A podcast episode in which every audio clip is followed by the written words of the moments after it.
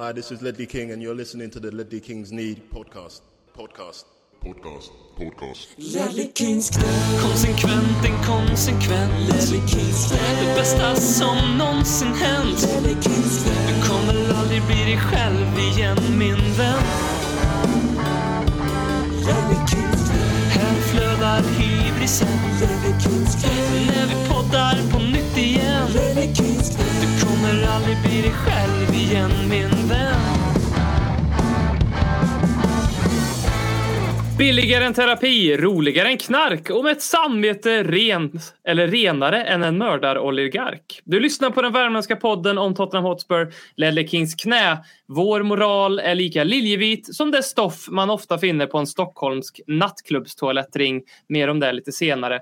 Robin heter jag och um, det är nämligen så att alla fyra grundbultar av den institution som är Ledley Kings knä som var med och grundade den här podden är med i det här avsnittet för första gången på fem år. Vi har kattälskaren BM. Nej! Vi, ja, Wow. Vilket fint ljud. Vi har eh, den skäggprydde Mr Håkman. Oj, oj, oj. Jag var meningen att du också skulle göra ett ljud där Håkman, men... Uh, wow. wow. Och sen har vi vår man i Fjollträsk, Per Frykebrant. Välkommen tillbaka. Ja, tackar, tackar. Men jag behövde någonting som eh, var lite roligare än knark helt enkelt. Det finns inte tillräckligt med knark i Stockholm för att väga upp eh, den institution som är Ledley Kings knä. Otroligt. Ja. Vad var det du hade på, på Per BM? Du, jag skulle spela in det här, sa du? vad jag hade på Per. Du lägger upp det på ett sätt som ansp- anspelar att Per har gjort någonting fel här. Men jag bara, jag slogs av den här liknelsen. Vi har ju mött fotbollsvärldens nya Mordor, den värsta av klubbarna som finns nu i hård konkurrens med PSG och Manchester City. Säkert någonting man inte, men vi, vi har ju blivit tillsagda här att vi bryr oss bara om de här klubbarna så jag tänker fortsätta att bara prata om de klubbarna i min Tottenham-podcast.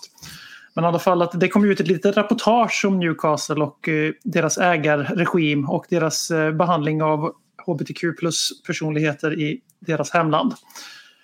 Eh, och där pratar de om då diverse olika hjärntvättningsmetoder man har använt för att korrigera någons sexuella läggning. Ni vet sådana där gammalt nassesnack från 30-40-tal och sådär som är hyfsat utdaterat i verkligheten. Eh, Och helt otvunget då så kom jag att tänka på Pers comeback i Ledley Kings knä för att Jag undrar, undrar hur den här bryggan ser ut. Nu, verkligen. Eh, Aldrig en bro för långt, Vitesse. Eh, nej, men att jag tänkte ju då att när jag och Per senaste gången pratade med varandra så var det att efter Maurizio Pochettino hade fått sparken. Och likt när Hitler fick sin Peace in our time-avtal med Chamberlain så var det egentligen där som resan till andra världskriget och undergången började. Så det jag försöker säga är att jag och Per startade fotbollsvärldens kollaps ner i mörkret. Det var vi som tappade ringen till Sauron och så vidare. Och plus att när jag nu ser Per och hör Pers röst då får jag liksom kaskadspya i huvudet. Eftersom att för honom, han kommer alltid vara förknippad med Pochettino ut, José Mourinho in. Välkommen tillbaks. Nej, men, tack. men det säger ganska mycket om vad vi, vad, vilka ansvarsfulla människor vi är som ändå tog det ansvaret på oss. Att sen, vi bestämde att vi, vi kan inte hålla kontakten längre. Vi förstör för mycket för fotbollsvärlden. Eh, så vi får väl se det här lite som ja, alltså början på uppgången igen. Kanske, är, är det Nürnberg-rättegången vi har i det här avsnittet? Och, och Vem av oss? Mm. Vem av oss tar livet av sig då i sådana fall också? Ja, jag Var inte någon- frivillig. Ja.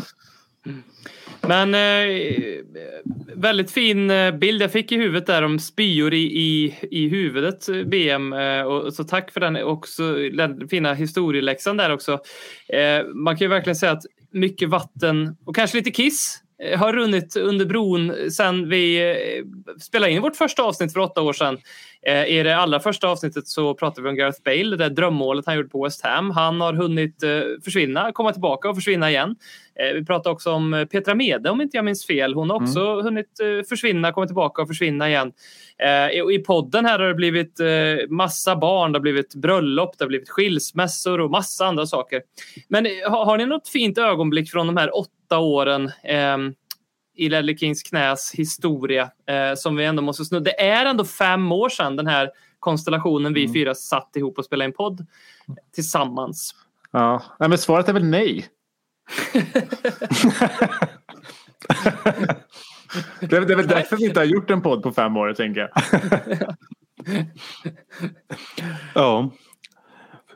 Ja, hur ska man kunna liksom försöka komma in här nu och vara vettig och triumfera det på något bra sätt? Det är väl så illa som att det är väl ett nej där. Eller har vi några minnen? Trots nejet kanske? Nej, men jag tänker så här, det där som Robin sa, att vi har gått igenom barn och skilsmässor. Jag menar, det, det liksom, vad, vad blir en liveinspelning när, eh, när ditt första kom, va, Håkman? Man har varit med om liksom verkligen mycket tillsammans. Och det är Och- svårt att liksom sätta fingret på just en specifik händelse. Mm, mm, mm. Ja, ja, men det är väl så. Men det finns några poddar. Vi spelade in någon i England då när vi var där och kollade fotboll ihop live på en bar. Och eh, jag vill väl minnas att Per då tyckte att det där ljudet kommer ju gå åt helvete för att det var tallrikar som lät och folk i bakgrunden. Och jag tyckte det bara var härligt på något sätt. Det, det är en sån här favorit. Inte ja, Niva då, men det var vad det var. Och sen eh, när jag var hemma hos dig Per och spelade in någon VM-podd på fyllan. Just det, vi hade fyllepoll. Ja, fyllepoll. Det var en trevlig podd. Så, eh, Det kommer jag ihåg också. Vi drack eh, några liter sangria var innan Ja. podden. Det var väl 2014 tänker jag då när det var VM Mm. i, vart fan var det VM 2014? Brasilien va? Ja, Ja. exakt så. Mm, Mm, fint. Eh, fick vi den referens också Per som ju var våran ljudfascist innan ljudfascister ens blev någonting kan man väl säga i poddvärlden. Det var ju, vi hade ju ett fruktansvärt bedrövligt ljud egentligen eh, som podd i ett par många år och så har det ju sett ut i poddvärlden. Nu för tiden när man lyssnar så har man blivit väldigt, väldigt kräsen eh, på ljud. Det måste ju vara en härlig utveckling för dig Per. Ja, men verkligen. Och samtidigt tycker jag att liksom så här, i takt med att poddmediet eh, befäster sig så eh, tycker jag också man accepterar lite sämre ljud. Eh, Så att jag går tillbaka till det. Jag är inte ljudfascist längre. Jag är bara, bara vanlig fascist. Liksom. Vi, vi kommer få anledning att gå in i den här situationen i matchen eh, mot Newcastle eh, där vi fick ett hjärtstillestånd på vad vi tror det var i alla fall på läktaren. Men vi fick en så bra lyssnarfråga från Patrik på Twitter eh, som eh, härrör lite till detta som jag bara vill slänga ur mig här. Eh, vilken färdighet bidrar ni med under en livshotande situation? Det här borde man ha fått lite i förhand. Det fick ni Jag, inte. ro- jag ropar på hjälp på någon som kan. Mm. Ja, men jag, har- jag besitter verkligen noll färdigheter som är bra i ett liksom eh, i vilken situation som helst. Alltså, jag, jag tänker ganska ofta, jag är ju liksom lite av en prepper i huvudet. Jag älskar att kolla apokalyptiska eh, filmer och serier och böcker och allt vad det är. Och jag eh, liksom inser väldigt ofta att jag besitter noll kvaliteter som, som människa som är bra att ha ja, ja eh, och, jag, och jag skulle säga att en av mina värsta egenskaper just i sådana situationer är att jag, jag har ju väldigt lätt för att svimma. Ja, just det. Eh, så att jag svimmar ju till exempel. alltså, har vi pratat alltid, om liksom, det i podden? Men det kanske inte vill. Det kanske inte vill göra. Nej, det, det kan jag absolut bjuda på. Eh, många fina svimningar man har dragit. Eh, bland annat någon när jag var på väg till jobbet och skulle bara in och lämna ett blodprov. Och jag blir väldigt lätt svimmig i liksom sjukhusmiljö. Så jag svimmade av där då.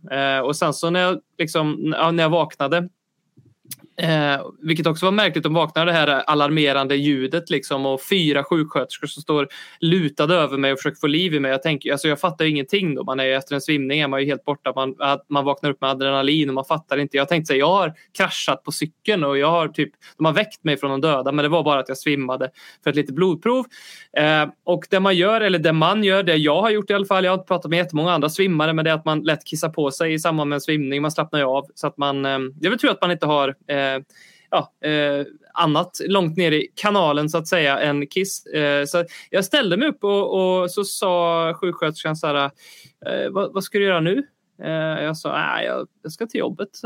Bara, ja, hon bara, okej. Och så tittade hon på mig länge och sen så sa hon inget mer så gick jag. Och sen så såg jag i hissen på väg ner att fan, jag har ju kissat på mig. Då, då var det väl antagligen hon försökte förmedla eh, men inte riktigt klarade av. Tyckte jag var dåligt. Eh, har Det- det, gått det är ro- hål... Det, det är roligt också att du använder svimningar som en ursäkt för att kissa på dig. Förmodligen är det tvärtom. Att du, säger, du kissar på dig först och sen så bara låtsas du svimma för att liksom komma undan med det med någon form av heder i behåll. Ja, det- så kan det mycket väl vara. Eh, BM, har du gått eh, någon HLR eller något sånt där? Kan du bidra med någonting här? Kan du hjälpa oss här? Ja, ja, alltså Big Papi BM är ju både HLR-utbildad och eh, vet hur man släcker en brinnande docka som ligger i kontrollerade former nära en container. Ungefär lite som när polisen bränner bengaler i Stockholm. Det är där du har alla de här plastdockorna där hemma till alltså. Ja, precis. Och eh, alltså är, man, behöver, man får ju lära sig att släcka både med filt, pulver och eh, K-seriepatron. Så att, eh, jag känner mig väl redo när zombieapokalypsen kommer. Och det jag har lärt mig av det här samtalet är att jag ska sno Pers anteckningsblock för hans planer hur man överlever. Använda Håkmans eh, vokala stämma för att få hjälp av någon Navy Seal som kanske råkar befinna sig ute på Våxnäs någonstans. Ingen jävla Navy Seal hos mig kan jag säga i alla fall. Det var jag klar med. Spetsnaz. Eh, Och sen eh, har jag också lärt mig att använda Robin som decoy. Att man skickar ut honom bland zombiesarna så att han svimmar, kissar på sig och distraherar dem med, med, ja, med alla sinnen. Det blir för många sinnen för zombierna att hantera så överlever jag för att slåss en annan dag. Det är ju väldigt många sinnen som aktiveras vid nedkissning, det kan jag faktiskt säga. Så är det. Men hörni, ehm, då vet vi det. Fotboll ska vi också prata om. Ja. Nej, För, ehm, Först måste jag fråga, hur fan klarar du av att inte svimma under förlossningen av ditt barn om du svimmar för att se, en, se tanken på blodprov? Det var ju väldigt, väldigt eh, känsligt för mig. Eh, alltså, jag hade ju sån ångest lång tid innan eh, hon skulle födas över att jag skulle svimma eftersom att jag svimmade i sjukhusmiljöer. Liksom. Så. Men jag gjorde inte det. Jag tog mig igenom det. Jag tror att det var en blandning av att det var så på, på ett sätt så odramatiskt ändå jämfört med vad jag trodde också utdraget i tid plus att jag hade väldigt mycket såna här äh, Kina-puffar med mig. Får man säga så? Aj, aj, aj. Eh, de här äh, små chokladbitar. Jag jättemycket sånt åt jag så att jag hade väldigt bra blodsockerflöde hela tiden. Eh, Det är förlossningspodden. Det- Förlossningar är helt odramatiska. Man bara, man bara sitter och käkar godis och har bra blodsockernivå. Otroligt charmigt. Bra sammanfattning av hur förlossningar går till. Ja, men det vet ju alla som har varit med på förlossningen att det är fruktansvärt odramatiskt. Nu när vi ändå är inne på det här temat här så bara dra en anekdot från eh, när första barnet kom här. Och det är ju inte I, berätta i själva Kings förlossningen. knäs livesändning by the way. Nej, det var ju inte det. Hon kissade bara på sig då. Det var liksom vad vi trodde var förlossning. Var vi bara kiss. Sjuk- Sjukhusmiljö även där. Sjukhusmiljö. Nej, i alla fall. Och vi åker in när det väl är dags. Och eh, mitt första barn är född 7 mars. Och de som kanske förstår att den här historien kommer hamna vet varför jag kommer dra nu så att säga. 7 mars, vi åker in femte, segdraget som fan den jävla förlossningen.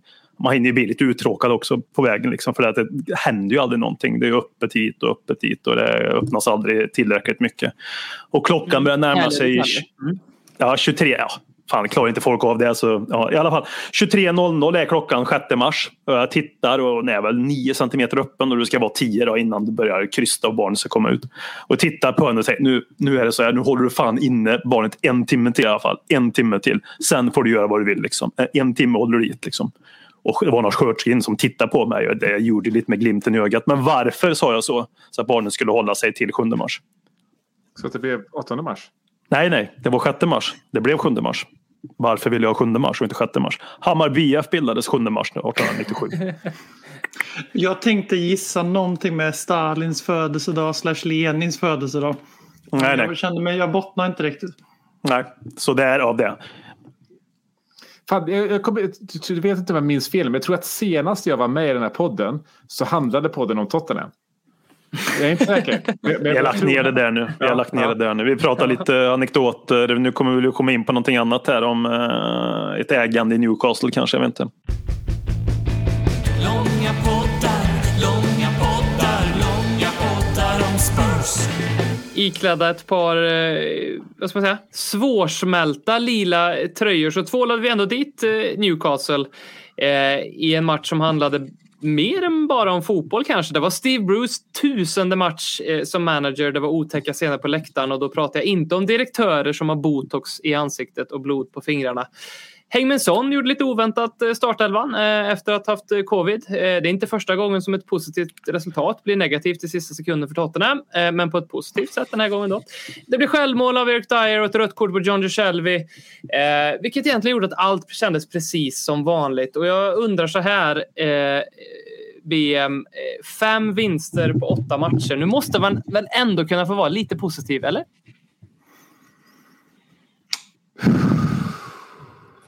Jo, Nej, men faktiskt, om man ska tänka efter lite här så det överraskade mig lite när jag såg eh, ligatabellen summeras här efter Arsenals bragdkryss mot, hemma mot Crystal Palace. Eh, undrar om paraden har slutat än i södra London. Eh, men ja, det som hände där är ju, vi har kollat där ser vi ligger på delad fjärdeplats. Eh, vi ligger före superduper fantastiska West Ham som jag kommer inte ihåg vilken av dårarna på VFL som eh, ansåg att de nu var en storklubb på riktigt efter att ha kvalificerat sig för Uefa Europa League för första gången i mannaminne. Eh, vi ligger före Manchester United, världens dyraste fotbollslag med världens bästa tränare eh, som borde koncentrera sig mer på fotbollen. Och vi har vunnit fem av åtta matcher och när man tittar på vilka lag vi faktiskt har spelat mot så är det ju ändå trots allt Manchester City, Wolves borta, två, två storderbyn och så Palace och så Villa. Och helt plötsligt börjar man upptäcka antingen får man acceptera att Premier League har blivit en sån där liga där man säger att alla lag är svåra matcher. Vilket ju absolut inte stämmer eftersom den varit skiktad som fan på senaste år. Sen är det, är det väl jämnare än andra ligor kanske. Eller så får man ju tänka på det så här att Tottenham har gjort en ganska imponerande säsongsupptakt ändå med 15 inspelade poäng. Trots att spelet har varit knackigt, trots två otroligt utdragna transfersoppor som är nyckelspelare i det här laget. Eh, en tränare som tydligt är ett sjunde val eh, och alla andra problem som har varit kring Tottenham så är det ju helt plötsligt när man faktiskt tittar på tabellen så här i mitten av oktober eller slutet av oktober. Så det är ganska svårt att säga någonting annat än att Nuno nog gör ett VG-jobb men det snackas om honom som att han gör ett G-minus-jobb och där är jag och Håkman högst medskyldiga till det narrativet som har pumpats ut. Men eh, jag står fast i min ringhörna att eh, det känns fortfarande bara som de långa knivarnas lek där man väntar på att när börjar nästa riktiga projekt. Men vi kan ju hoppas att Nuno gör så att det inte behövs ett nytt projekt. Mm. Ja, men alltså den här tabellpositionen, de poängen vi har nu. Där hade man ju liksom, man hade bitit av en arm om man hade erbjudits det i, i början av säsongen eller innan säsongen. Så. Eh, och, och, och nu, Fan, nu höll på att svimma när du sa så. Men, ja. Ja, jag ser hur det kommer ut urin ur dig. Eh, men, men, men det man får ge dem cred för under de här två senaste matcherna är att nu börjar man ju se lite vad Nuno Ball är för någonting under Tottenham. Han kom in till Tottenham genom att vara 4-3-3 Nuno och var ju det han försökte liksom stö, han försökte stöpa Tottenham i samma form som, som Wolves. Och det tog honom ju sex matcher att inse att det ska han inte alls göra. Eh, han, han, det funkade ju bra de tre första matcherna även om eh, spelet såg bedrövligt ut. Han, han lät det gå över Palace för att det var ja, hade hänt mycket i samband med landslagsuppehållet. Eh, under Chelsea-matchen så ja, Chelsea var helt överlägsna så då adresserade han inte då. Men det var första halvleken mot Arsenal eh, där man verkligen kunde se hur jävla dålig vår innermittfält var, hur dåligt balanserat vårt lag var. Eh, och det har vi absolut rättat till de senaste två matcherna. Eh, tycker jag vi tättat till de, eh, eh, de hål som fanns på mittfältet. Vi har vad som börjar likna ett pressspel och det är med en Tanguy Ndombele på planen. Eh, det är ganska imponerande. Så det tog och, och, och vi har liksom både rättat till eh, defensiven samtidigt som vi har bättrat på offensiven de två senaste matcherna. De två senaste matcherna har vi gjort fler mål än vad vi gjorde de sex första matcherna om jag inte räknat fel. Eh, mm. Samtidigt som vi släppte in eh, betydligt färre mål. Eller nej, inte betydligt färre mål. Vi har fortfarande släppt in tre, tre mål på, på, på två matcher. Men, men, men, men det ser bättre ut defensivt ändå. Eh, så jag, alltså, jag, självklart ska, ska Nuno ha godkänt för, för det. Och det är också lite så här, det påminner lite om så här, tidiga eh, tidiga Pochettino i så som vi ställer upp nu. Vi har 4-2-3-1 och vi har ett innermittfält i Skip och Höjbjer som väl kan eh, rent kompetensmässigt liknas med Mason och Bentaleb men eh, nu senast var det inte helt långt ifrån Wanyama och Dembele. Mm. Jag tycker att um, han får mycket, jag har sett mycket eh, kritik mot att han inte har en spelidé.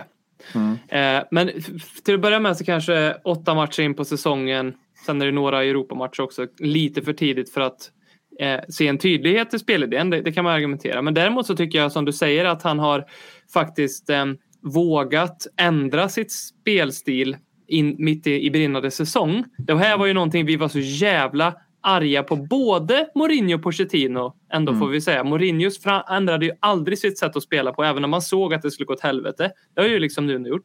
Mm. Eh, Pochettino ibland, det var ju det som var liksom frustrerande med Pochettino många gånger att han körde på sitt pressspel, sitt 4-2-3-1 när man ändå känner att men fan, någonting måste vi ändå göra. Liksom. Så det tycker jag man ska faktiskt ge Nuno en liten eloge för att han eh, anpassar sig och förändrar sitt sätt att spela på.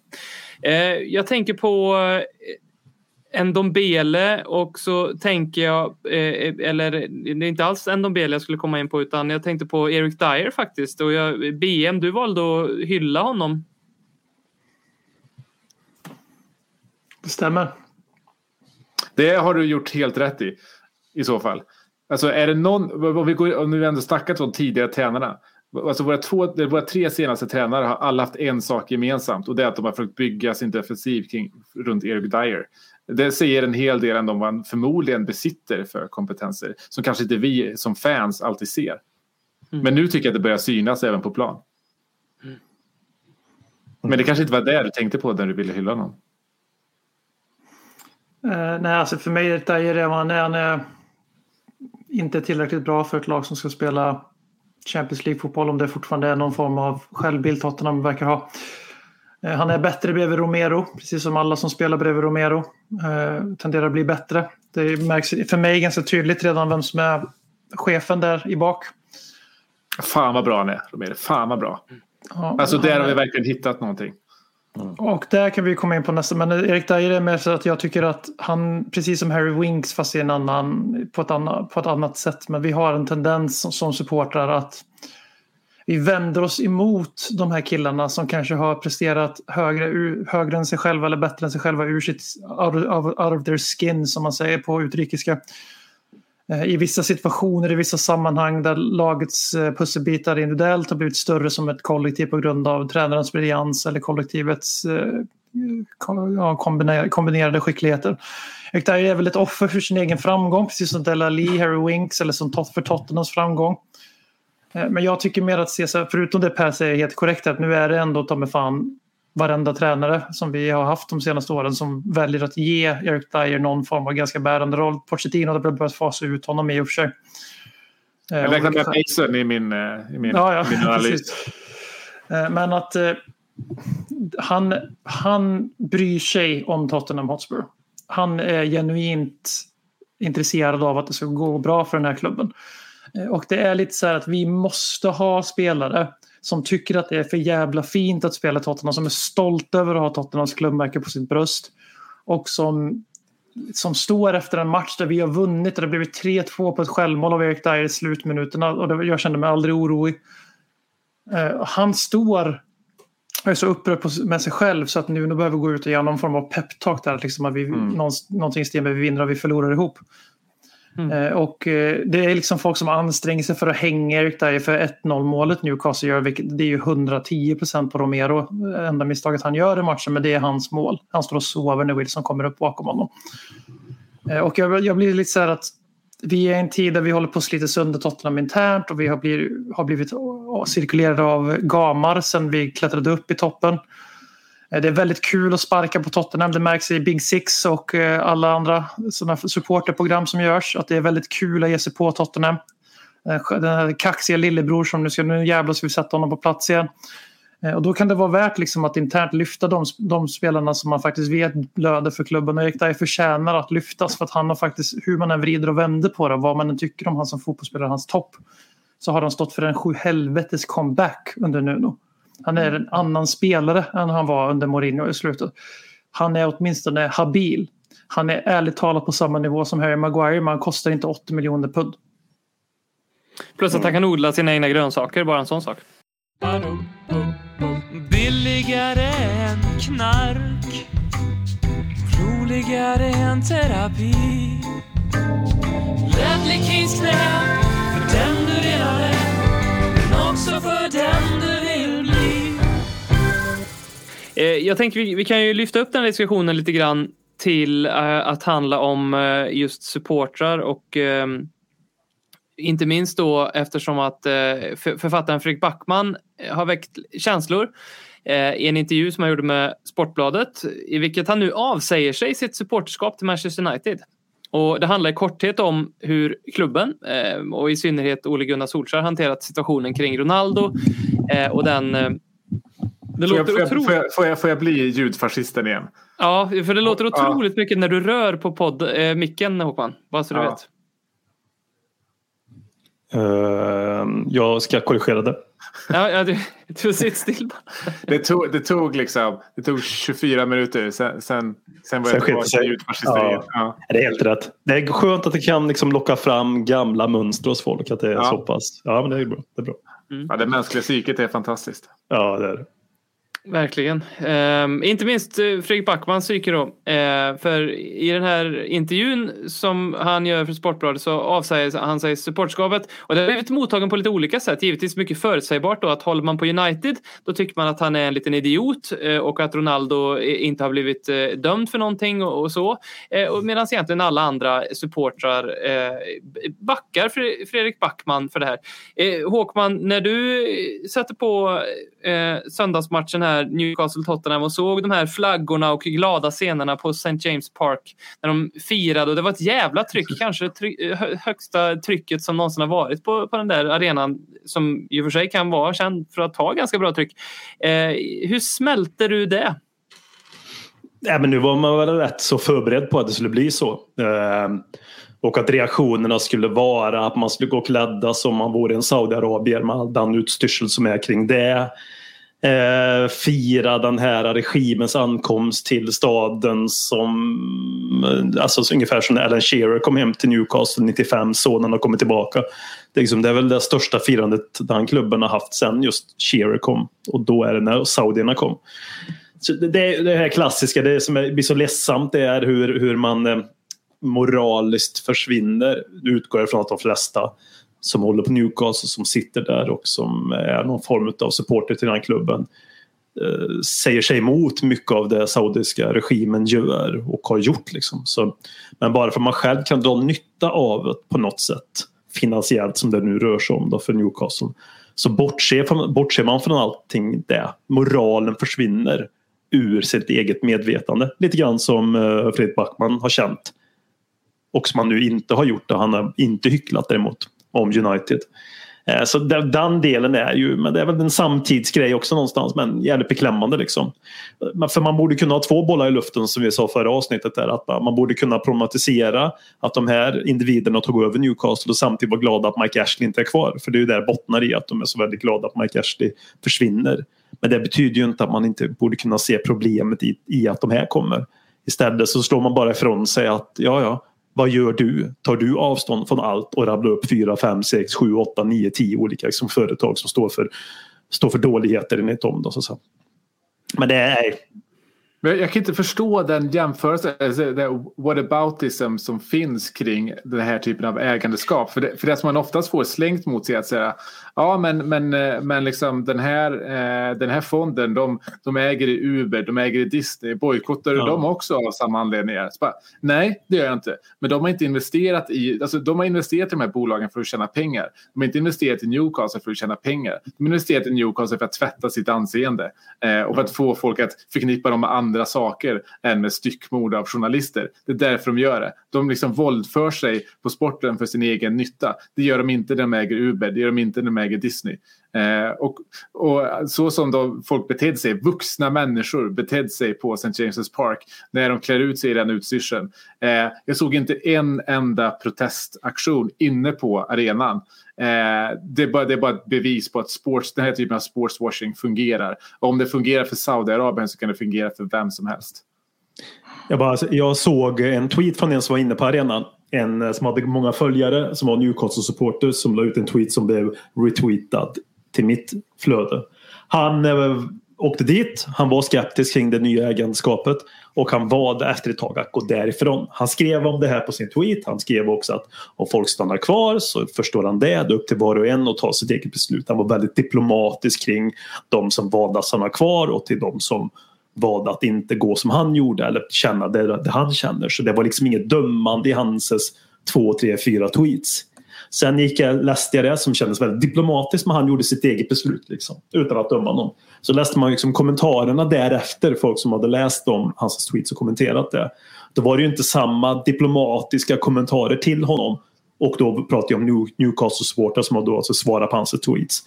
Och eh, sagt att han borde, allt från att vad fan gick du dit för? Är du helt dum i huvudet? Du är ingen riktig supporter. Skönt att slippa dig.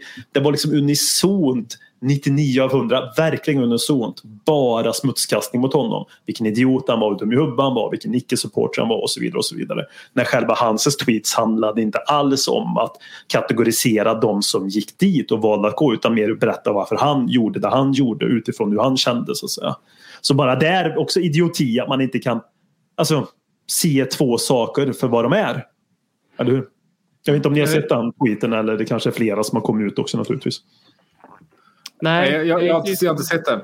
Eh, men, men, men eh, jag håller med. Alltså, för det jag tycker att så här, eh, jag, jag tycker att så här, svenska supportrar har i regel reagerat bra och liksom problematiserat. Jag tycker att Viaplay gjorde en ganska rättvis bevakning eh, där och då. Eh, sen så verkar ju Sky Sports och, och, och, och Jamie Redknapp, eh, måste ändå kalla honom för horunge här. Fy fan vilken idiot. Eh, eh, Bland ett av citaten, för jag såg ju den sändningen för jag kollade på He's Goal, eh, Food Stream. Så jag såg den och jag, jag fastnade på, det var mycket de sa, men en grej som jag liksom ekade med ett huvud var när någon av dem sa, jag vet inte vem det var för jag höll på att laga mat samtidigt, men som sa Well, the Saudi Arabian regime, which some people might find controversial. Man bara, Ja, men redan där har de lyckats med sin sportswashing. Alltså re, redan där. Redan där. Ja. Och att Jamie Redknapp sen sitter och säger att nej men fotbollsfans de bryr sig inte om vem som äger klubben. Det, vad, vad, är det Newcastle, vad är det enda Newcastle-supportrar har pratat om de senaste åren? Vad är det enda? Det är ägarna. Det är allt vi pratar om. Vad, Vad gjorde Manchester United supportras i, i våras när de stormade sin egen arena och, eh, för att protestera mot sin ägare och sen glömde de i och för sig bort detta lägligt nog när de värvade Cristiano Ronaldo, Jadon Sancho och resten av det här superlaget de nu har på papper som har kostat sådär ciljard och eh, det är ju inte sportswashing på samma sätt och jag jämför inte ägandeskapet på det heller men liksom så här, dra, som du säger Per, att dra det här till att fotbollssupportrar bryr sig inte om sina ägare. Alltså det är ju sant i en klubb som är någorlunda välskött. Där, eh, där man känner att man fortfarande har någon form av koppling till klubben i, i fråga. Sen är det ju så som vi alla vet att många supportrar behöver inte bli mer övertygade än att det går bra sportsligt. Vi pratade lite i senaste podden om att förmodligen är det en, på- är en ny generation av supporterskap på väg att växa fram där det inte är lika statiskt. Eh, det kanske inte är permanent en relation med en klubb. Eh, Jag tänker sitta här och värdera om det är rätt eller fel. Håkman, att- Håkman, vad tycker du om den utvecklingen i fotbollen? jag kan gärna utvärdera om jag tycker den är rätt eller fel. Men BM kan få lägga ut texten där. Ja, det finns väl bara ett svar på det. BM är väldigt diplomatisk och liksom, ehm, fin i sin utläggning mot gemene man. Men det är ju liksom idioti så att säga naturligtvis. Eh, Att byta ja, lag. Ja, ja, ja, ja. ja, det är klart. Helt sjukt. Jag försökte bara rädda oss själva eftersom att vi för typ tre veckor sedan när vi hade förlorat tre matcher i rad satt och bytte lag i podden. Ja, ja. Det är en del av den kulturen. Men du BM, eh, vad, vad tror du trenden är för oss Spurs-fans då? Eh, det här får man ju mm, verkligen eh, eh, Eh, jag höll på att säga ta med en nypa salt, men eh, det, vore ju att, eh, det vore ju att förminska oss och vårat enorma reach på, på Twitter. Jag menar till och med Håkman får ju tweets från Newcastle-fans i sitt flöde. Vi har ju en enorm allomfattande reach.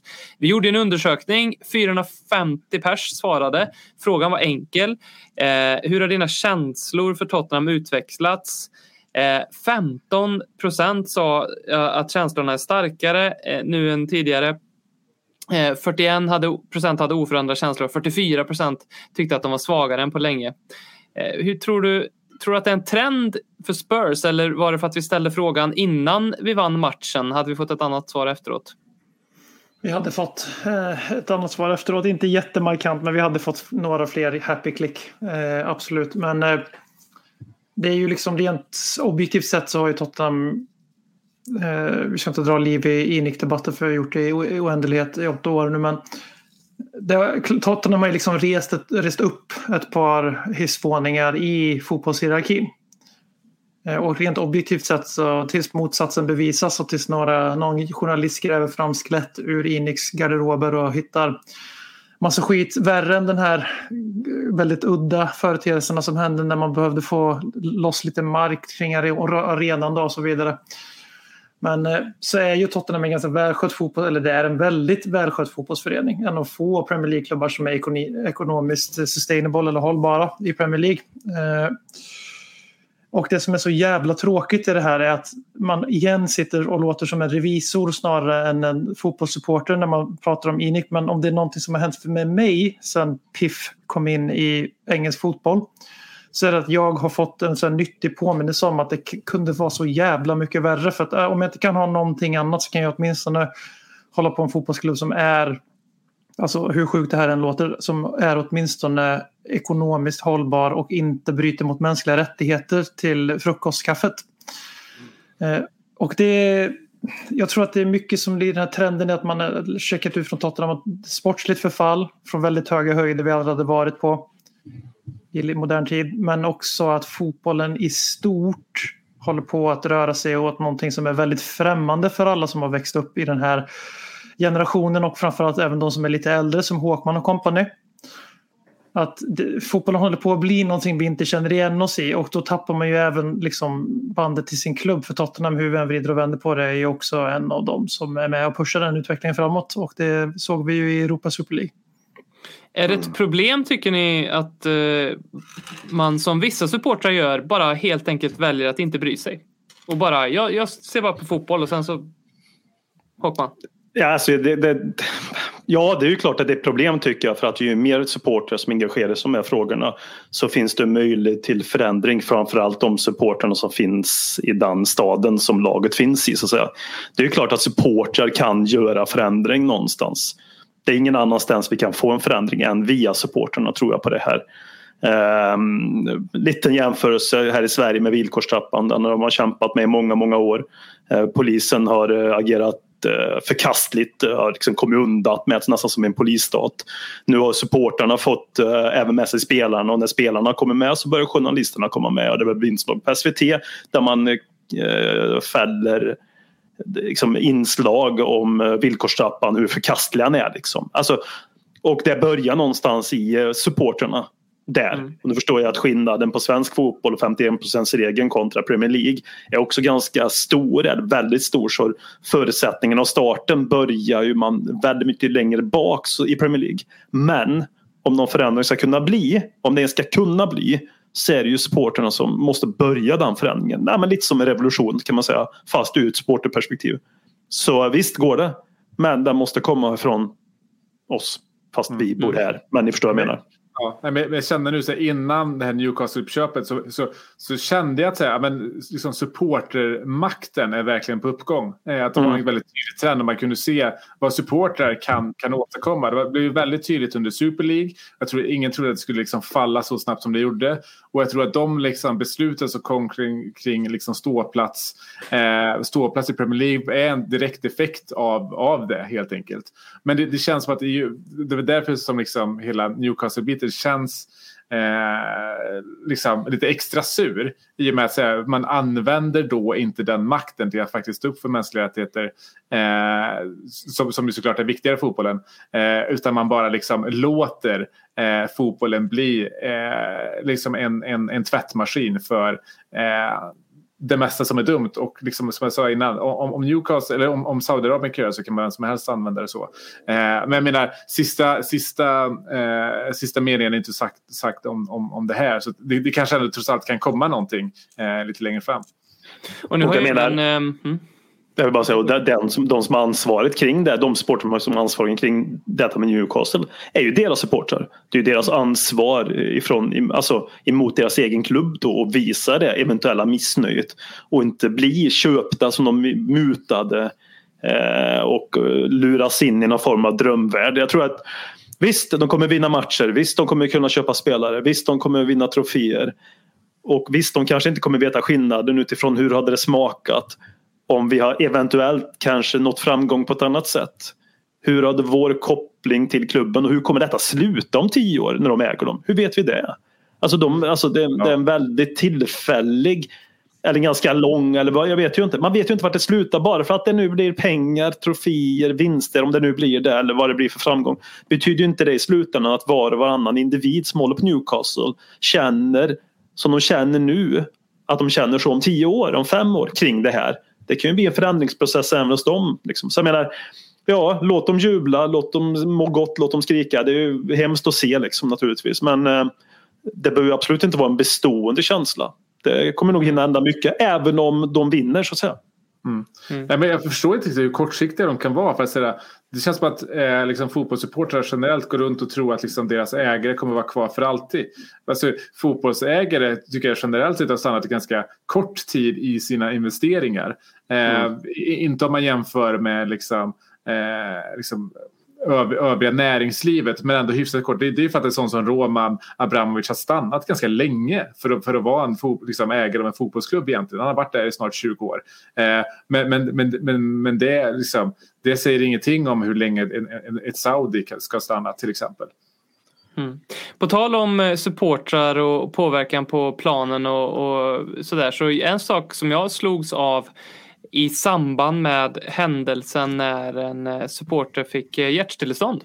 Det var ju hur eh, snabbt eh, Reguljon Vet, jag vet ju inte. Vi, vi, vi i Tottenham vi har ju blivit matade med bilden att Sergio Reguljon och Eric Dyer räddade livet på en människa, vilket de ju såklart var med och bidrog till. Men det var säkert många eh, andra inblandade också. Hade vi hållit på Newcastle hade vi kanske hyllat Joel Linton och eh, Emil Kraft och grejer som inte ens spelar. Men nej, skitsamma. är det någon som inte kan ta på sig att ha räddat den människans liv så är det Emil ja, Kraft. han, han gjorde inte det kan vi i alla fall säga. Men jag slogs av att eh, i, särskilt i brittisk, eh, i, i Premier League, när supportrarna är så pass nära eh, planen som man är och man skriker så mycket som man gör på all fotboll. Så mycket fula svordomar och grejer och ramsor och man tycker när man är där att oj, att inte spelarna berörs av det här. Ja, men de hör nog inte det här. Men när det händer någonting sånt här och då reagerar alla blixtsnabbt och det, det blir en liten påminnelse om kanske vad mycket de här spelarna faktiskt upplever och hör och selekterar bort på en match eh, som kommer från eh, arenan när de re liksom reagerar så snabbt på en sån här liten händelse. Eh, Håkman, du sitter och räcker upp handen. Får jag bara säga en sak om det här som kanske, det får landa som det landa vill så att säga det här nu. Men jag vill bara säga att, äh, att det här varje Tottenham-spelare, varje person nu känner sig illa tvungen att skriva det finns viktigare saker i, liv, i livet än fotboll. Hoppas du mår bra, jada jada jada. Varför måste varje Tottenham-spelare känna, känna det tvånget att gå ut och twittra, twittra det? Va? Ja, men på riktigt, det är klart att vi vill att han ska leva. Men liksom Jesus Christ, Son gjorde det nu, Harry Kane lång utläggning. Regulon blev man of the match för att han... Alltså, Förstår men, mig rätt? Ja, nej, jag, jag, förstår. Och därför var det så nice att se när Eric Dyer bara la upp. Tre poäng var det viktigaste. Han gjorde det? ja, men okej. Okay. Jag är ja. ännu mer såld på Dyer i sådana fall. Ja. ja men jag, för det, liksom, det, känns som det är en billig poäng att ta själv utifrån um, sin egen jävla PR-maskineri eller någonting sådär. Eller? Vad, tror ni fram... ja, jag ja, ja. Vad tror ni framtiden har i sitt sköte för Steve Bruce? Ja, precis. Ja, ja, men, ja, men verkligen. Jag, jag tycker faktiskt synd det, det är ändå bra att de fick in den där, eller att vi i alla fall sköt in den där 3-2an. Så eh, det kanske räddar honom någon, någon vecka till. Så. Eh, men, men jag vet ärligt talat inte hur de ska... Jag, jag hade tyckt det var jätte jättesvårt eh, om jag var Newcastle-fan för att veta liksom, vad som ska komma härnäst. För, ja, de kan, de kan ju klart kicka Steve Bruce. Det är ju inga, inga konstigheter med det. Men, men vem ska de ta in istället? De har ju en, en Steve Bruce-trupp. Ska de ta in en Fonseca till exempel? Ska Fonseca styra det där laget? Liksom? Ska, ska Emil Kraft spela Fonseca-fotboll? Kommer de, kommer de hänga kvar? Nej. Mm. Eh, och, och, och, och värvningar i januari, liksom, ja, de kommer garanterat ligga på nedfrysningsplats. Det finns ju inte, finns ju inte en profilerad spelare som vill gå till en sån klubb. Kanske på lån. Liksom. Eh, men jag tror att de alltså, rejäla, eh, en rejäl utmaning att hänga kvar nu. För att ska de liksom... Eh, jag kan inte se alltså, en profilerad tränare gå dit och göra dem bättre med det, med det materialet de har. Ja, du glömmer våran vän Mourinho som passade på lite lämpligt här i veckan att gå ut och prata om speciella band till fotbollsklubben Newcastle United eh, på grund av Sir Bobby Robson. Han är, gjorde han det? Han, han gjorde det, yes. Gjort något. Mourinho gick ut och pratade om sitt varma band till Newcastle. Jag antar väldigt- att han har fått en fråga på en konferens men jag väljer att tro att det säger allt om José Mourinho för de som fortfarande håller sig fast vid att han gjorde en enda bra sak för Tottenham Hotspur. Det enda han gjorde bra att han stack. Liksom. Ja, Jag förvånar mig inte heller att han, att han sa så i sådana fall. Det är lämpligt att han helt plötsligt pratar sin, om sina varma känslor till laget uppe i norr. Liksom. Fan, jag, jag ty, högaktar Steve Bruce managerkapacitet sista 12 månader mer än uh, José Mourinho. Ja. Får- Nej, men alltså Mourinho är ju faktiskt typ den enda tränaren i fotbollsvärlden oavsett eh, om de har jobb eller inte som jag ser hade liksom dels tagit jobbet men kanske ändå gjort någonting av det. Jag kan Ja, inte se liksom Tror att jag så också om jag ska vara lite seriös. Att han, skulle Alltså- nog, han skulle nog hålla kvar dem. Ja, men säg Conte, nej han skulle inte ta det här jobbet. Det, det, det, kan, det, kan, inte, det kan jag verkligen inte se framför mig. Eh, ska, ska de ta in en, en liksom Frank Lampard, alltså, det är ju en sämre tränare än vad Steve Bruce är. Så då kommer garanterat ut. Eh, Och fetare än Steve Bruce också till och Ja, med. det är framförallt det. Långsammare. Mm. Eh, och så, så, så, så jag, eh, jag, jag, jag, jag vet, alltså, ja, sparka Steve Bruce, men vem fan ska ni ta in istället? Jag, jag kan inte se någon som hade gjort ett bättre jobb med den truppen än Steve Bruce. Gattuso passar väl bra dit? Eller Di Canio någonting sånt där. Ja. Är inte det passande sett till eh, Alltså, sin egen kanske. profil? kan, kanske ändå. Faktiskt. Alltså Gattuso. Alltså, Mm. Passar ju in. ja, varför inte? Eller bli Eh, minister också kanske. På något sätt. Ja, exakt. Nej, men för det, och det var ganska tydligt. Jag, jag, tycker, jag tyckte uppriktigt synd om Steve Bruce i den här matchen. För att det, var, det var väldigt tydligt att spelarna ville bli av med honom. Eh, de, de, de betedde sig som ett lag som bara, bara vill bli av med sin, med sin chef helt enkelt. Det var, eh, det, det var inget pressspel. Eh, man försökte inte ens. Och stod det bara 3-1 och man mötte Tottenham. Och ligger man under med 3-1 mot Tottenham. Då har man allt i egna händer. Eh, så det var liksom. Eh, det, det, var, det var jobbigt att se. För det, det är det sämsta laget vi mött i Premier League på jag vet inte hur länge. Eh, alltså det, det, det är sämre än vad vi har mött i Conference League till och med. Steve Steve Bruce har ju gått lite full circle för mig. För eh, han var ju lite likable där för ett gäng år sedan när han alltid gjorde de här The Great Escape. Han lyckades ta ett lag eh, upp till Premier League och så här. Han var lite charmig sådär. Och sen så har man blivit så jävla trött på honom. Eller jag har blivit så jävla trött på honom för att det känns som att bara, vem är han och varför ska han ens vara, liksom, ha en Premier League-klubb eh, och, som manager? Men nu liksom det, säger så mycket om kontraster och hur allt hänger ihop och hur allt relaterar till varandra. Nu tycker, man, nu tycker jag lite om Steve Bruce igen för att liksom, han är ett offer i den här saudiarabiska soppan. Exakt. Men såg, såg ni hans intervju innan matchen? Alltså för, för jag tänker Steve Bruce är ganska liksom, brölig känns som egentligen i sitt sätt. Och den här matchen, intervjun innan matchen var Oh, the, the owners have been really nice. så här, vill verkligen ha det här jobbet. Och liksom, lägger till en så här, pojkvaskerröst. Det är han som har skrivit de här deckarberättelserna. Det är någon brittisk Great Escape-tränare, förlur. Eller det är någon eh, relativt välkänd Nej. brittisk tränare som har skrivit alla de Ehm, skitdåliga deckare om sig Jo, själv. men det är fan det Steve? Bruce. Är inte det Jo, Steve visst Bruce? fan skrev- är det Steve Bruce. Var det Han inte skriver Steve Bruce deckare alltså? det? Ja, ja, det är någon, jag, inte, vågar inte ta, ta gift på att det är Steve Bruce. Men det är någon Steve Bruce filur. Men nog fan är det som han gjorde. Han lånade ut sitt namn till någon som var med och skrev. Det var en fotbollsspelare eller fotbollstränare som på fritiden löste mord typ. Ja. Jag vill, jag vill ändå bara säga att när vi pratar om Steve Bruce och det, liksom det, jag tycker det är fint att de där tränarna finns fortfarande i Premier League. Det är lite gamla skolan i England. Vad fan, alla behöver inte ha en superakademisk utbildning, tänka på fotboll som de gör i de sydeuropeiska länderna med passningsorienterad fotboll och det ska vara så jävla mycket olika vetenskap när det kommer till kosthållning och inte ketchup och allt det där. Liksom. Även om Sam Allardyce var väldigt tidig på den bollen. Ja, fan, det är fint ändå, jag gillar det. Fan, stå på mig med Steve Bruce. Ja, men det är väl-. Ja men och samma Marcus sak. Jag vill. Jo men jag, jag gillar det är, som, det är ändå dynamiken. Allt kan inte behöva vara så som det förväntas vara. Alla kan inte ha liksom, botoxläppar bara för att en viss kategori människor tycker är snyggt. Liksom. Få, alltså, få in det här eller få ha det i en liga som är identiteten till ligan. Liksom. Det behöver inte vara Steve Bruce. Jag gillar Sean Dyche. Jag gillar Burnley liksom. Många vill få upp Burnley. Jag tycker skitbra att Burnley finns i Premier League. Jag tycker skitbra att Burnley spelar den fotbollen som de gör. För att alla kan inte behöva spela fotboll precis på samma jävla fucking sätt liksom. Så mer Steve Bruce, mer, mer Sean Dyche, mer Burnley, mer långa bollar och mer identitet i klubbarna liksom. Så hatten av till Steve Bruce. Jag älskar den. Jag älskar den till och med tror jag. Fint summerat. och Det finns, det finns, i Newcastle hade varit Alltså där kan du köpa loss honom på något sätt.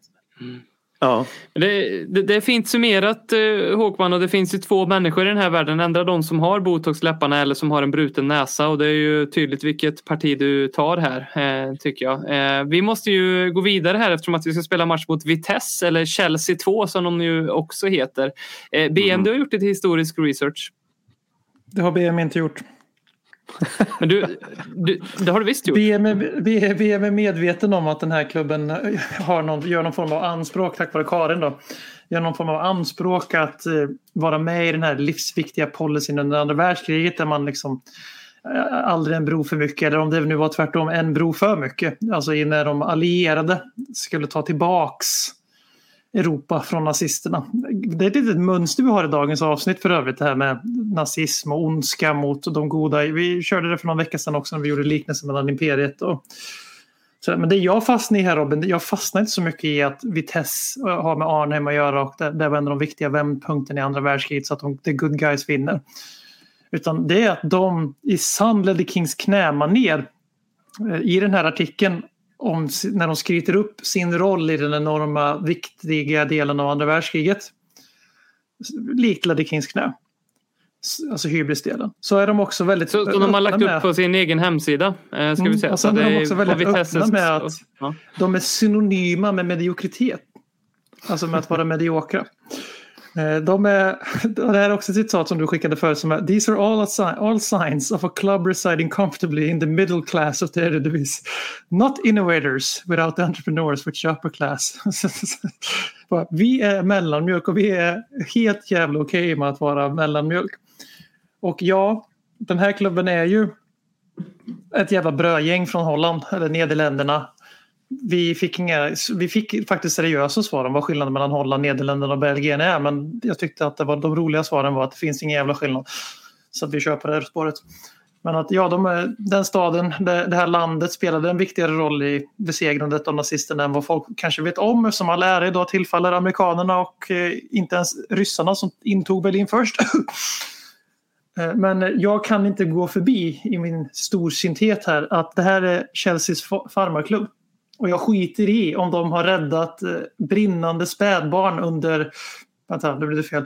De har räddat brinnande spädbarn under bilar. Eh, vänta lite nu. Eh, de har räddat spädbarn under brinnande bilar, så säger man. Och, eh, Säger man så? ja, jag tror det Det kanske. är så man säger? Ja, okej. Jag, jag struntar i om de har dykt in efter den här påsen med valpar som de har surrat ihop och kastat ner i floden för man vill inte ha fler valpar. Och de har dykt i utan syrgas och allt möjligt. Plockat upp de här valparna och hittat nya hem åt dem. För de är Chelseas farmarklubb. De är en del av ett system och ett maskineri som går ut på att vissa klubbar ska bli rikare, bättre och större än alla andra. Och de, de håller inte på med sportswashing, de håller på med talentwashing.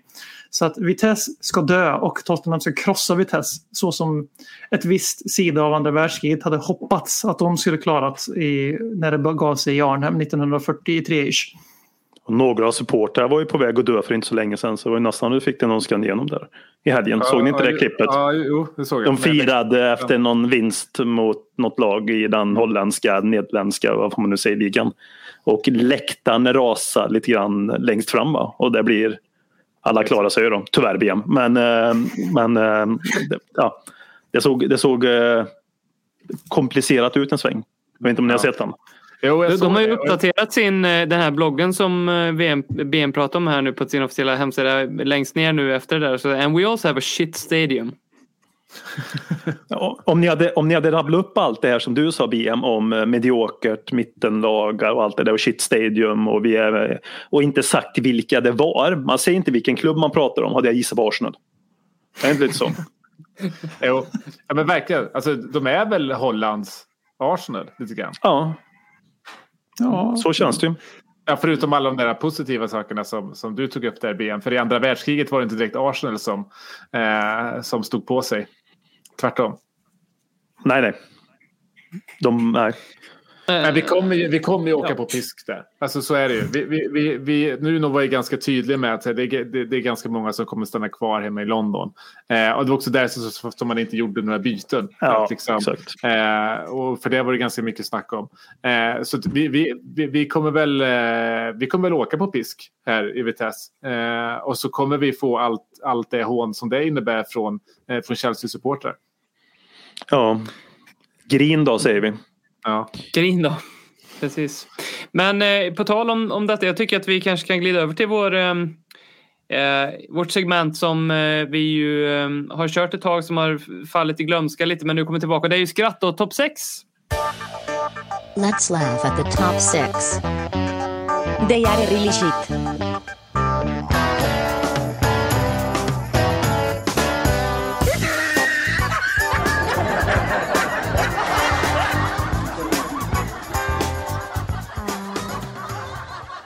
Eh, vilket ju är eh, det segmentet där vi eh, som kom till under den mörka eh, José Mourinho-eran eh, som ett sätt att eh, titta utanför våra egna tillkortakommanden och eh, titta på andras tillkortakommanden. Så att jag, ordet är fritt här. Vilket, eh, vad vill ni lyfta från den gångna veckan? Eh, på det här ämnet där vi ska håna, skratta, förlöjliga ett lag i topp 6. Vill du börja Håkman? Det såg ut som du räckte upp handen. Jag räcker upp handen mycket i det avsnittet. Jag är förvånad själv hur Mm. disciplinerad och bra jag är. Nej, men jag såg eh, Arsenal spela ju 2-2 här. Och eh, det är ju roligt i sig men jag går ju alltid in när det går lite sämre för Arsenal. Och jag har tagit den här jämförelsen en annan gång men jag kör den igen. Arsenal Fan TV. Alltså i de här stunderna så gör det ingenting annat än levererar. Hade de haft en premium där man var tvungen att betala en viss summa, ja det pröjsade. Jag hade signat upp på direkt alla dagar i veckan.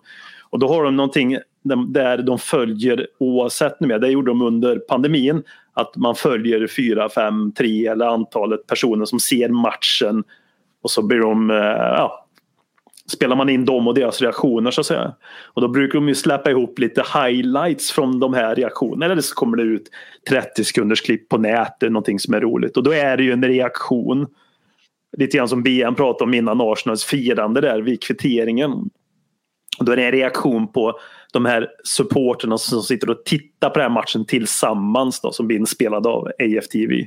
Och hur en av de här killarna, en mörk kille, slänger sig fram, glider på knäna, skriker åt kameran ungefär som att nu är ni tysta va? Nu är ni tysta, det fick ni. Och är väldigt upp, upp, äh, kaxig helt plötsligt. Över 2-2, vad är det?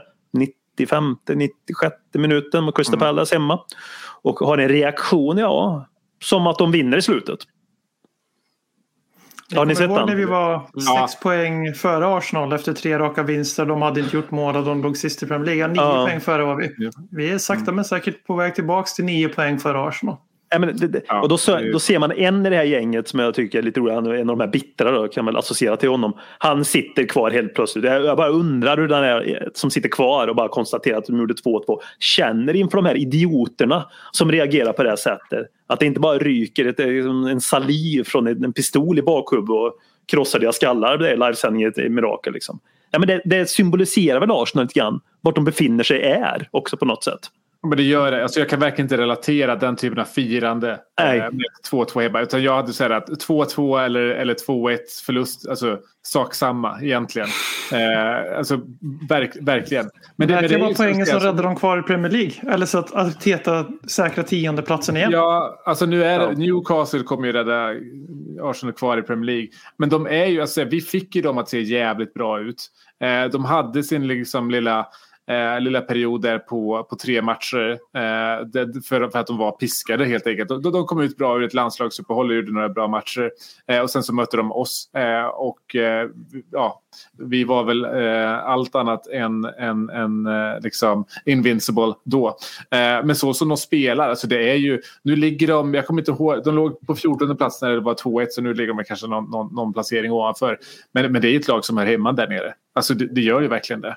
Eh, och, vi, eh, på no, alltså, och vi hör hemma i toppen hur, hur sjukt det än låter. Alltså vi är, eh, vi är outsiders för, för en fjärde plats i år. Eh, Leicester eh, ser ju eh, ut att vara Leicester igen.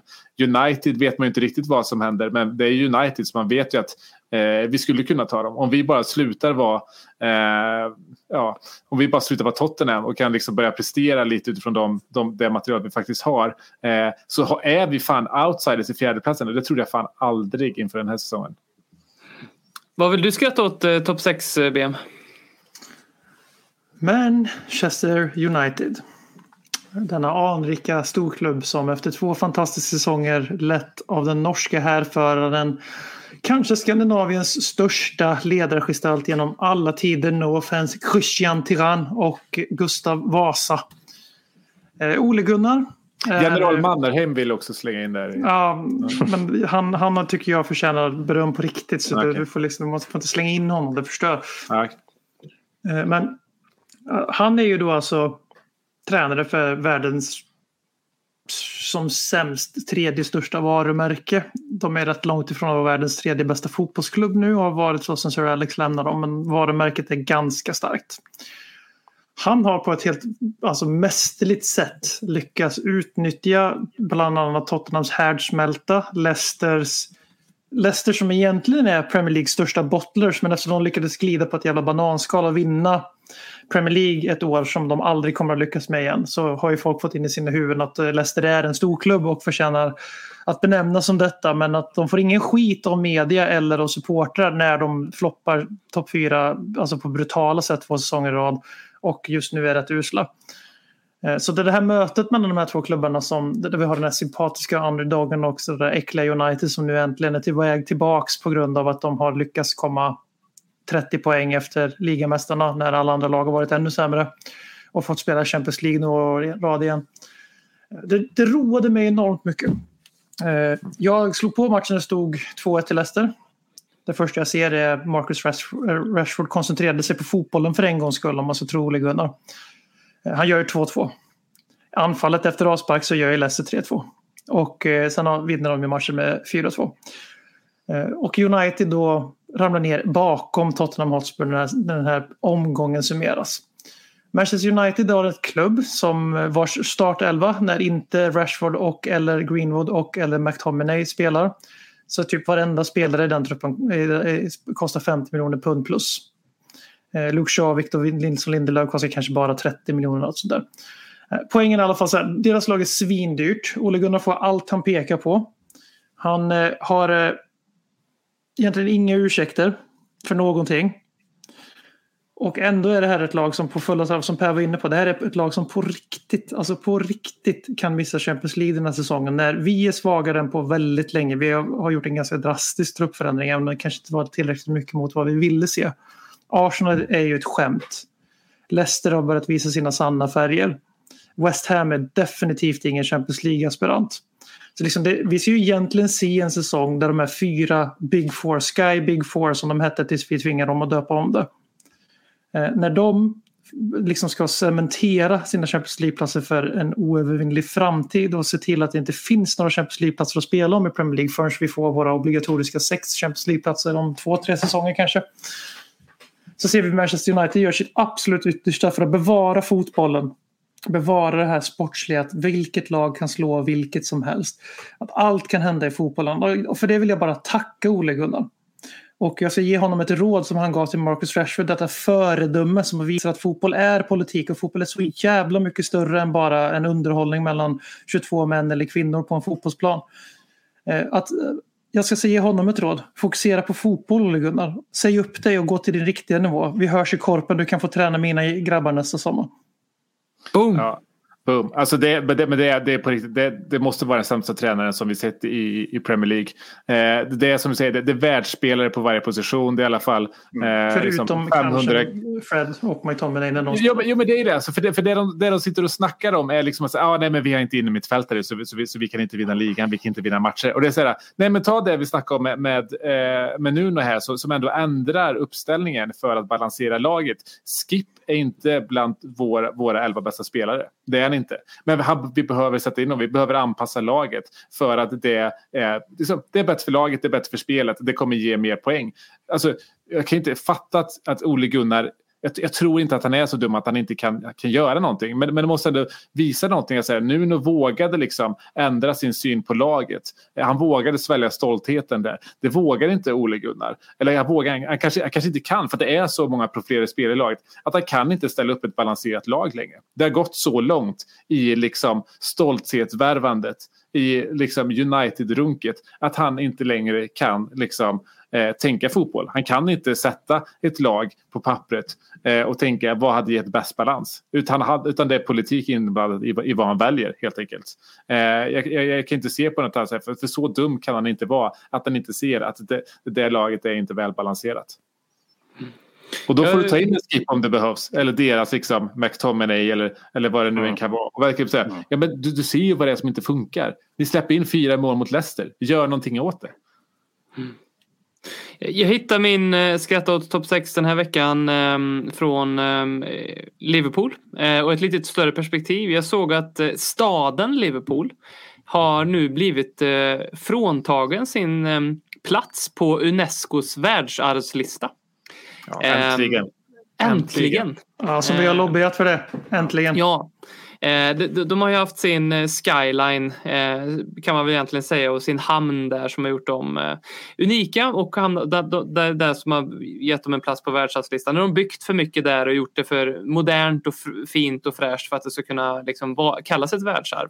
Och då tycker jag att det är väldigt härligt och det här vill jag verkligen trycka långt ner i halsen på alla ni Liverpool-fans med supermycket hybris som hör detta eller ifall ni känner någon Liverpool-fans som, som har väldigt mycket hybris. För en företrädare i stads statsrådet i, i Liverpool sa ja, nu är vi tillbaka till att vi bara är Beatles och fotboll igen för världen. Tycker jag är bra. Och då säger, jag, jag, och då säger Liverpool Ja, och då säger Liverpool-supportrar till oss, va? visa er vart är ert pokalskåp. Uh, det är inte alltid det vi får oavsett ja, vad. För fan, det, det är fan vad det säger så här, uff, vad man har. Det har så mycket med en själv att göra att man har valt en klubb som har vunnit saker. På något sätt gör det en mer värd än människor som har valt klubbar som inte vinner saker varje år. Jag, jag, har alltid haft, jag älskar det argumentet. Så bara, men ni vinner ingenting. Jag bara, nej, det gjorde vi fan inte när jag började heja på Tottenham heller. Så vad tror du att det här argumentet gör med mig? Så, så, så. Mm. Jag, jag, jag tänkte faktiskt också skratta lite åt Liverpool. Det är faktiskt dags att vi skrattar lite, liksom, lite mer åt dem. Och det jag tänkte skratta mest åt är liksom hur de låtsas som eh, att Sala, att de ser Salas mål hela tiden för första gången. För det målet han, gjorde, han gjorde nu, nu, i, nu i helgen, det är exakt samma mål han har gjort varenda jävla match han spelar. Och vi ska alltid låtsas som att åh, kolla här vilken mål, vilken fantastisk mål, vilken världsspelare. Det är det målet han gör varje match. Varför ska vi låtsas som att vi inte ser de andra målen? Jag blir så jävla... Alltså, vi, vi, vet att han gör det där. Vi vet det. Alltså, det, det är inte som att vi runkar varje gång Robben gjorde sina liksom, klassiska Robben-mål. Det här är ett klassiskt Salah-mål. Vi ska inte börja liksom, låtsas som att vi alla sett det där förut. Att han gör det där, det är ju inte att han är en världsspelare. För han gör det varje match, det är det enda han tränar på. Det var vad jag ville säga om det. Ja, bra. Men du vet, vi förstår ju inte fotboll för vi är inte Liverpool-supportrar. Vi har ju inte det här unika bandet till fotboll och klubben och staden. You never walk alone som de har. Är det inte så? Kanske därför vi är alltså mindre vetande i den här fotbollskunskapen. Så som de vill göra gällande då. Mm. Vet vad jag den, såg största, den största incestgruppen vi har i världen det är Liverpool-supportrarna. Är det inte det? Är inte det den största incest? Är det, inte det, det, kanske, det, det är kanske det som får det tillbaka till Unescos världsarvslista. Ja, precis. Det största ja, men Loven, skulle du gå ner och göra DNA-mönster i staden Liverpool och bland Liverpool-sportare i Sverige och Skandinavien så skulle du bli jävligt varse om åh jävlar är vi släkt men vad fan du är min okej okay, alright. Jag tror det skulle bli väldigt jobbigt för många då faktiskt. Ja. Liverpool, den, ja, de får bara fram bokstaven A i den där DNA-strängen. Den är så... Ja, ja. så, så är, är, det här allt? Är det här allt? Ja. Århundraden av, av incest. Vi är liksom, ja. Vi, vi, vi, vi, ja. Det skulle ja, det, behöva, skulle behöva ja, få lite det kanske av, någon... behöver kissas lite i den där genpoolen tycker jag. Kanske någonting, någon tischa att göra för Jocke? Ja. Är det okej okay om vi gör en sån eller går vi över gränsen då? Nej. Verkligen inte. Det är helt, helt okej. Ja. Eh, men det, det, där är ju på liksom, Fredrik Backman-spåret att säga, supportrar är Eh, alltså nu, alltså supporterskapet är en så stark del av eh, vem och vad man identifierar sig som. Och det, det där är väl lite, så här, lite, lite mansproblem, för det brukar man alltid prata om när man, eh, när man ser så här, undersökningar bland kvinnor och män, liksom hur man identifierar sig. Och, och, och män, eh, och fra, framförallt yngre män, eh, liksom, liksom, de identifierar sig som sina intressen, att man är en gamer, att man är en fotbollssupporter. Eh, Medan kvinnor eh, identifierar sig som, ja men jag är, jag är, liksom, jag är klimatkämpe eller jag är vegan. Alltså riktiga identitetsmarkörer. Så. Eh, och Ja, vad tänkte du säga om det Håkman? Jag är influencer kanske de säger också. Ja, exakt. Mm. exakt. Nej, men, och det där är ju ett sånt, eh, det, blir ett problem, det, liksom, det blir ju verkligen ett problem när man diskuterar, som i Newcastles fall, när man börjar diskutera mänskliga rättigheter. Eller när, som man i Chelsea-supportrars fall, när man diskuterar rasism. Alltså med Chelsea-supportrar så kan man ju inte ha en, liksom, en, en, en, en logisk diskussion. Alltså varje gång som det händer någonting på Chelseas läktare eller kopplat till Chelsea-supportrar till rasism, de, de försvarar ju allting. Det är för att, du, du, du, alltså, var, varför kan man inte bara säga är det, där, det där är fel, det där är piss? Utan istället ja. är det att, att varje gång det händer så är det ett angrepp på Chelsea och då ska jag förklara det. Samma sätt med Newcastle. Nu kommer jag, varje, gång man, eh, varje gång man riktar kritik på den saudiska regimen så kommer ju Newcastle-supportrar hoppa in och försvara det. Liksom. Mm. Det, är där, det är där det leder till. Så Chelsea försvarar Hitler och uh, Newcastle försvarar uh, saudiska regimen? Ja, exakt. Mm. Mm. Eh, det, det, var ju lite, lite, lite Hitlerhälsningar på St. James' Park. Eh, så en del som fick ja. lite avstängningar nu i helgen. Eh, men det var väl det var väntat. Vi, vi, vi pratade om botox förut och visste ni att um, det här lärde jag mig i veckan. Det finns en studie om att har man mycket botox så uh, blir man uh, gradvis sämre och sämre ju längre man har det då. Hur många mer sprutor man tar eh, sämre och sämre på empati. Eh, mm. Därför att det stänger av eh, viktiga muskler i ansiktet som används när vi aktiverar våra empatiska förmågor. Och våra muskler i ansiktet är väldigt viktiga för våra förmedlingar av våra känslor. Alltså leenden och sånt. Kan man inte le rent fysiskt så blir man inte heller glad liksom, eh, över tid. Mm. Eh, mm. och det, det händer med botox, eh, folk som tar mycket botox att de tappar empatisk förmåga.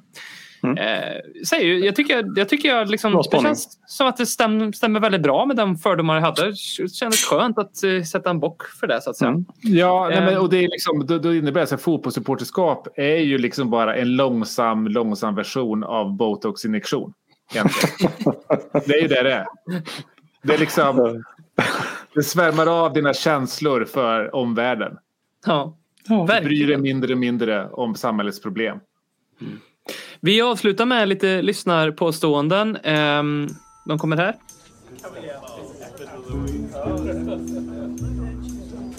But I want to say one thing. I want you to listen to me. I'm going to say this again. I did not have sexual relations with that woman. Och jag kunde på rak arm konstatera en direkt lögn.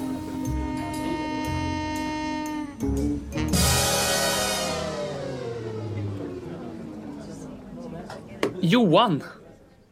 Inget hade varit annorlunda om vi vann Champions League-finalen. Nej, håller inte med. Alltså livet hade pikat. Jag är ju en sån där ung man som identifierar mig som mitt intresse och inte som eh, någonting annat. Eh, jag är inte ung längre bara problemet. Men jag, alltså hade Pochettinos Tottenham vunnit Champions League den där säsongen så det hade fan varit den sista riktiga Champions League-titeln som vanns någonsin. För att låta som en Liverpool-supporter. Så fick vi det i skottet av Fajeros också. Nej men självklart hade saker varit annorlunda. För vi hade fått det där att hänga upp den vackraste perioden i våran tid. Eh, och vi hade, jag personligen kommer komma ihåg Champions League-resan ändå eftersom att jag är Tottenham-supporter. Men självklart, alltså bara tänker den tanken att när Pochettino kommer tillbaka till White Hart Lane 2078, hur gammal han nu är då, går ut där med sin rullator på, på planen med, och med replikan av Champions League-bucklan och alla som fortfarande lever i matchtruppen och sånt där tackas av liksom för att ni gjorde det, ni var de som bröt glastaket inom fotbollsvärlden. Mm. Så det, alltså, titlar är inte allt i fotboll men det är fan inte obetydligt heller. Precis som när Dortmund lyckades bryta Bayern Münchens dominans i några år när ja, jag försöker, när Leicester vann Premier League som jag gjorde narr av förut, det betyder fortfarande någonting. Och, vi, och Tottenham vinner Champions League hade varit på den nivån och det går liksom inte att komma ifrån. Så jo, saker hade varit annorlunda. Sen tror jag rent konkret i klubbens storlek, våra möjligheter att rekrytera spelare, bla bla bla. Nej, det gör nog inte så stor skillnad. Det handlar mer om att spela i Champions League. Mm. Ja, nej, alltså hade vi vunnit Champions League det hade det varit som att Leicester vann, vann, vann Premier League igen. Alltså vi, alltså vi snackar mm. fortfarande om Leicester som Premier League-vinnare. Det har gått sex år. Eh, och att vi dess också inte hade gjort några värvningar den säsongen. Det hade liksom, man hade aldrig släppt det. Liksom.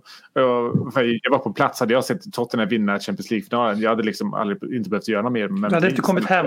Nej, jag hade aldrig kommit hem. Sen så säga värvningar. Nej, jag skulle säga, sommaren därefter gjorde vi ett fönster som kan liksom påminna om ett lag som har vunnit Champions League. Mm. Det, det, kom, Los Elso kom, eh, Ndombele kom. Eh, Sessignon, den gudabenådade fotbollsspelaren, kom in.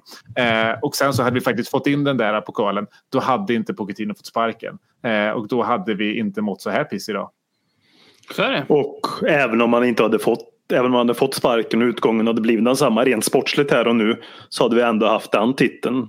Alltså, ja. Och så hade vi aldrig behövt höra Mourinho-kramarna säga ja, men till skillnad från Pochettino är så Mourinho en vinnare.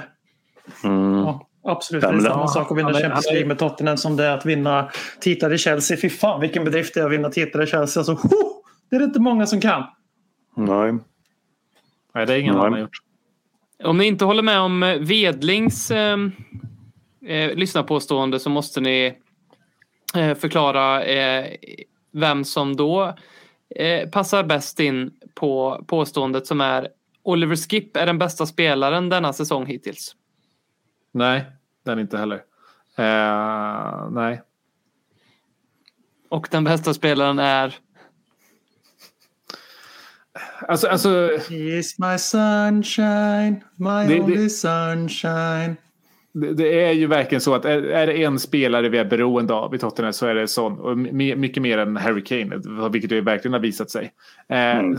sen, sen, så tänker jag liksom, ja, Skip har väl visat att han håller på den här nivån, men han, han är ju inte en, en av våra liksom, eh, elva bästa fotbollsspelare.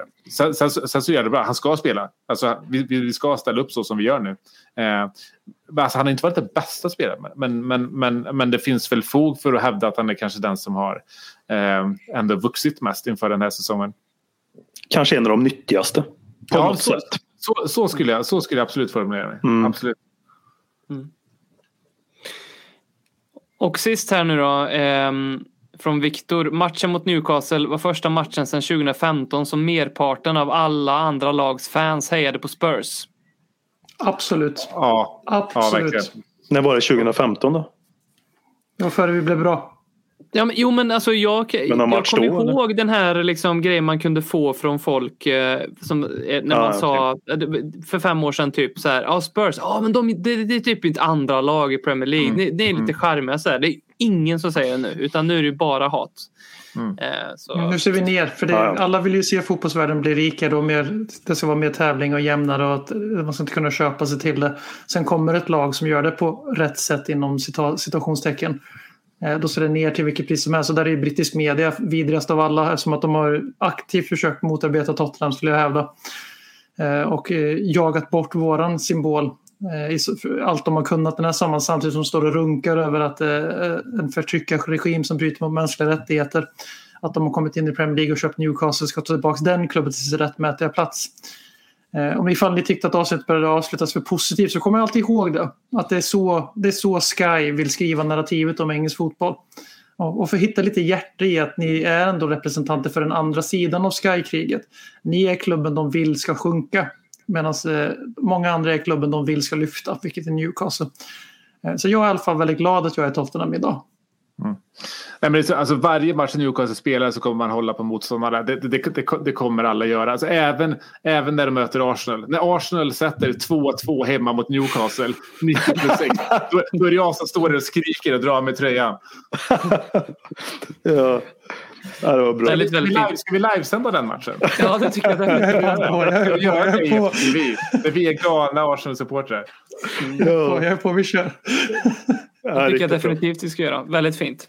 Eh, väldigt kul att eh, träffa er igen för första gången på fem år. Jag har ju träffat er under de här fem åren, men inte så här i, i, samtidigt i, i, en podd. Eh, det blir det väl förhoppningsvis eh, lite mer av. Mm.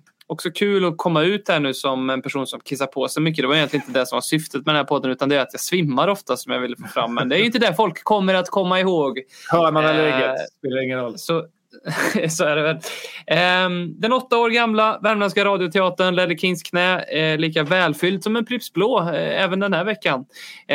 Alla ni som lyssnar och vi ska belöna dig som har lyssnat så här länge i en timme och en kvart ungefär. Om du likar eh, det här inlägget på Facebook, Instagram eller Twitter så är du med och, eh, i utlottningen om en mugg från våran shop. När det börjar bli lite så att vi ska ju ses på kontoret igen eh, och då är det viktigt att man har en Tottenham-mugg där. Eh, och vill man inte gå all in och, och, och liksom stödja Danny Levy och hans eh, förtryckarregim, ja, men då kan man ju faktiskt eh, stödja våran eh, förtryckarregim ledd av Robert Folin med pengar på Kanarieöarna och sådana skumma saker. Så vi har väldigt mycket fina motiv på våra muggar. Det var egentligen det jag ville säga. Var med och, och vinn en sån helt enkelt. Lajka avsnittsinlägget på Instagram, Twitter, Facebook eller alla tre om ni vill det. Då får vi mer spridning och ni kanske får något gott i, i koppen där fram. Ha det gott, vi hörs. Hej! Tja! Tja! Konsekvent, inkonsekvent Det bästa som någonsin hänt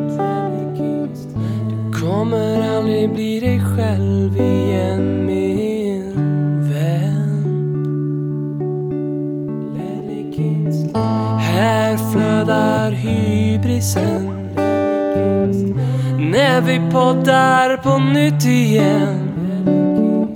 Du kommer aldrig bli dig själv igen min